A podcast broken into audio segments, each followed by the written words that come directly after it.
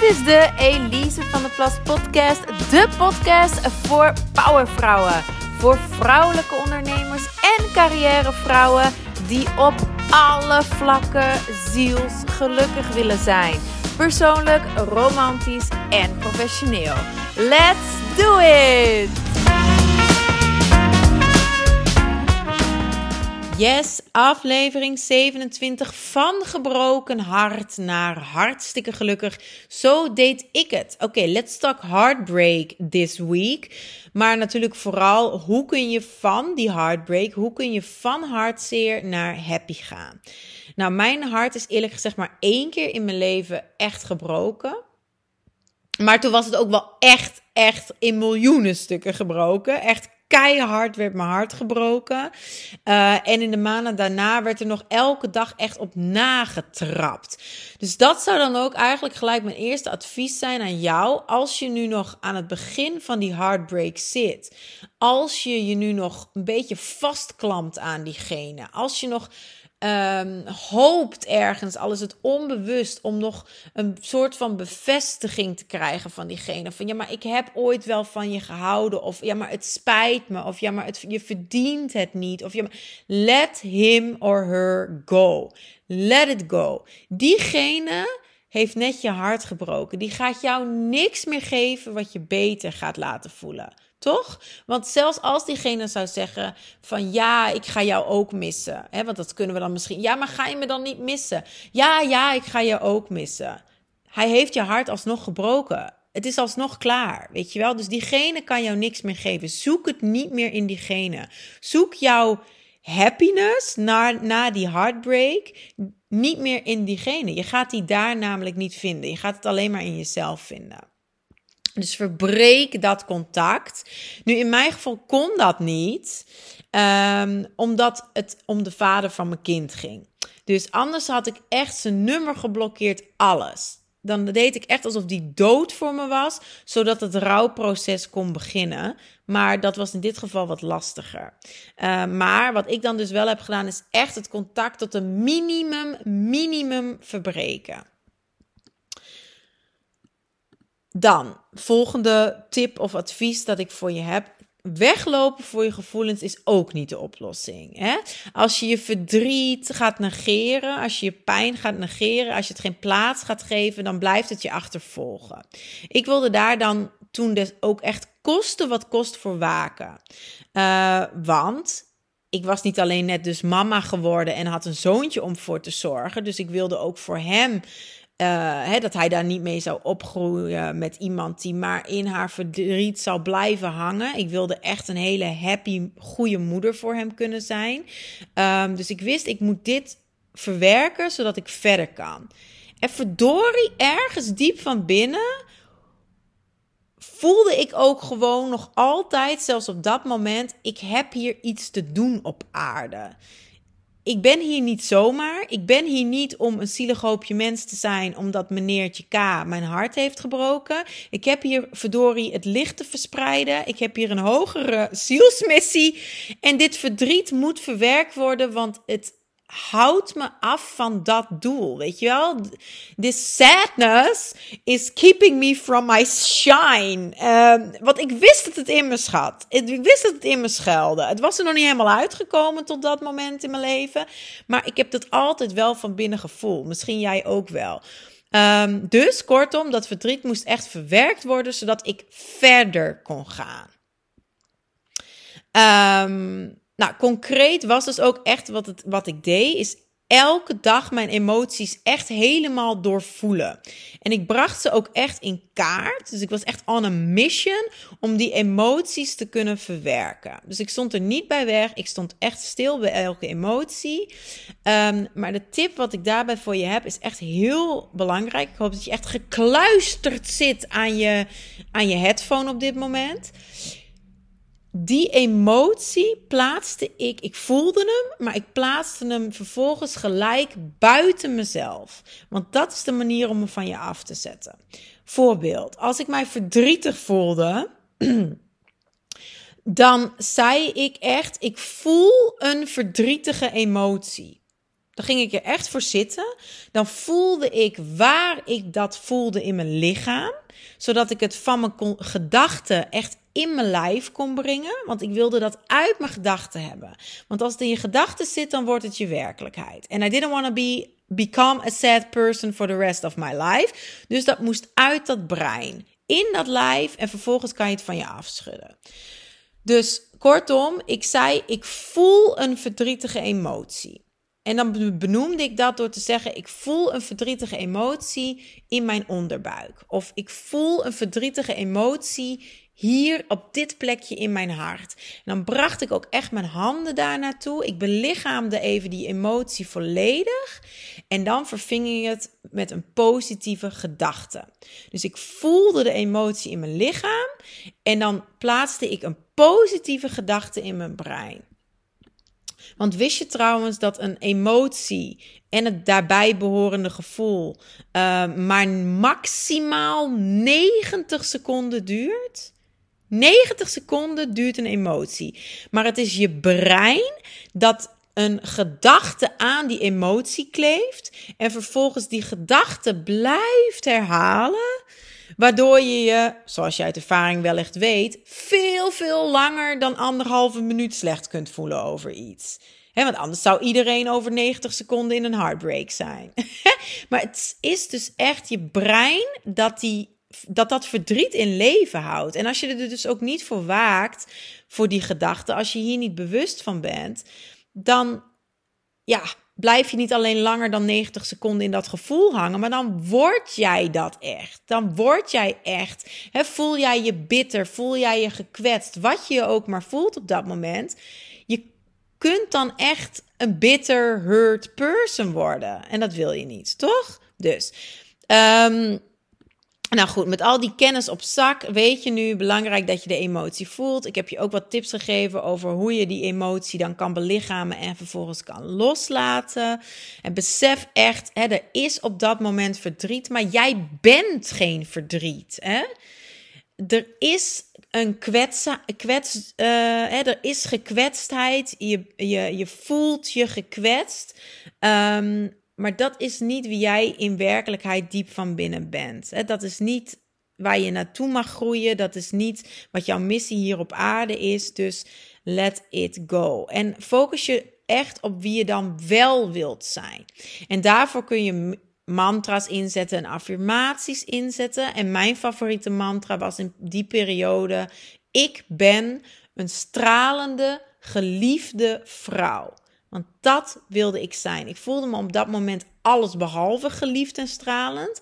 Maar daar hield ik me aan, vast. Daar ga ik naartoe groeien. Daar ga ik mijn gedachten aandacht aan laten geven. Ik ben een stralende geliefde vrouw. Want dat is wat ik wil worden. Nou, volgende stap of tip, uh, advies uh, dat ik voor je heb, is focus je op wat er wel is. Ik wilde dus een stralende geliefde vrouw zijn. Dus ik ging mij focussen op alle sparkle wat er al was in mijn leven. Want op dat moment, als je je slecht voelt, is het heel makkelijk om te zeggen: Ja, maar er is niks goeds in mijn leven. Ja, en je wilt wel een geliefde vrouw zijn, maar je bent net gedumpt. Dus zo geliefd ben je niet. Dus er is geen liefde in je leven. Maar dat stemmetje, dat is natuurlijk die innerlijke criticus, dat zijn ook weer die nare, belemmerende gedachten die moet je dus echt corrigeren door te zeggen: hou even je snavel. Dat is onzin wat je zegt. Ik ben door één iemand gedumpt. Eén iemand houdt misschien niet meer van mij. Maar ik kan van mezelf gaan houden voor de rest van mijn leven. Ik kan afspreken dat ik mezelf nooit dump. En ik kan nu op zoek, op zoek gaan bewust naar de liefde die er wel om me heen is. Dus op dat moment echt elke dag, elke seconde dat ik kon, pakte ik mijn zoontje vast wat emotioneel ineens.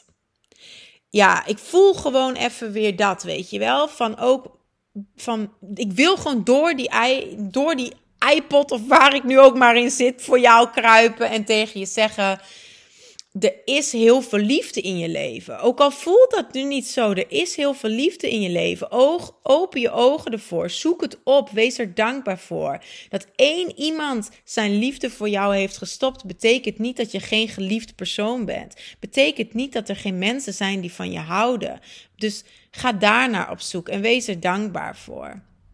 En dat deed ik dan ook echt elke dag. Ik noteerde elke dag waar ik dankbaar voor, voor. Ik noteerde elke dag positieve dingen die ik had opgemerkt om me heen, hè, in mijn omgeving, of de grappige film die ik had gezien. Want ik zocht het ook heel bewust op. Hè. Het, is altijd een combinatie van, geëerd, van positieve mindset met geïnspireerde actie.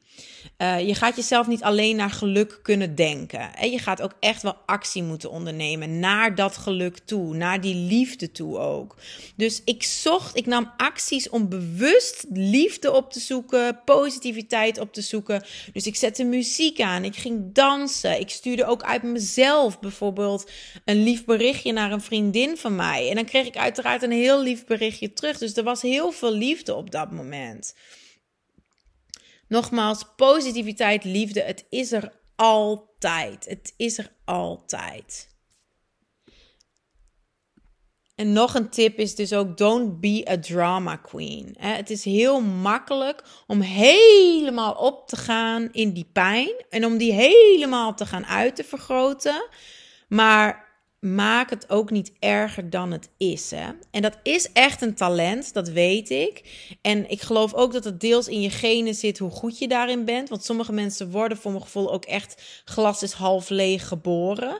Um, maar het is als een spier die je kan trainen. Dat geloof ik ook wel echt. Hè? Dus het is ook geen excuus van ja, ik ben nou eenmaal niet zo positief ingesteld. Nee, dat kun je trainen. Hè? Um, en ik heb inmiddels dat talent echt. Dat is echt een kunst, maar ik beheers de kunst van positiviteit heel goed. Dus ik kon op dat moment echt zeggen: Oké, ik ben gedumpt. Ik ben mijn huis kwijt. Ik ben alleenstaande moeder. Ik ben bedrogen. Ik ben belogen. Jarenlang, zo kom ik nu achter. Ja, dat is best heftig. Maar elk nadeel heeft zijn voordeel. ik leef nog wel. Uh, ik heb er een geweldige zoon aan overgehouden. Uh, ja, noem het ziekelijk positief. Maar ik kon zelfs toen denken: ah, het biedt ook wel kansen. Schone lei, clean slate. Hè? Uh, ben mijn huis wel kwijt, maar oeh, waar ga ik nu wonen? Het is ook wel weer spannend. Ik ga dat nieuwe huis helemaal kunnen inrichten zoals ik wil, want daar hou ik van. Ik vind inrichten een van de leukste dingen dat er is. En ik nam mezelf op dat moment ook meteen voor, ha, alles in het roze it is. Want ik heb geen man meer die gaat zeggen: eh, ik wil niet alles in het roze. Nee hoor, roze overal. Uh, let's do it. Ik hoef ze vuile onderbroeken ook niet meer te wassen. Ja, elk nadeel heeft zijn voordeel. Zoals Johan Cruijff ooit zei. Oké, tot slot wil ik je nog meegeven echt ook als alles wat ik nu heeft gezegd nog niet met je resoneert, omdat je er misschien echt helemaal nog aan de beginfase zit, weet dan ook gewoon, gun jezelf tijd. Het is, het is echt een verschrikkelijk advies, maar er moet ook gewoon wat tijd omheen gaan. Ik benoemde het net al even, de vijf fasen van rouw. Ik heb ook echt gemerkt, ik moest eerst door die vijf fases gaan, voordat ik echt kon gaan groeien en me dus ook weer wat beter gaan voelen. Hè, me weer echt happy kon voelen. En dat, dat had gewoon wat tijd nodig. Dus ontkenning is fase 1. Woede komt dan. En dan heb je onderhandelen. Hè, dan ga je proberen je, je eruit te onderhandelen, zeg maar. Dan krijg je depressie. Dus dat is echt een dieptepunt. Dus denk ook niet na een paar maanden. Nou, ik moet nu toch wel uh, bij fase 4 zitten of zo. Dus dan zal het wel beter worden. Nee, meid. Fase 4 is depressie. Hè? Dat is echt die rock, rock, rock bottom. En dan komt er aanvaarding. Fase 5. Dan komt die aanvaarding, die acceptatie.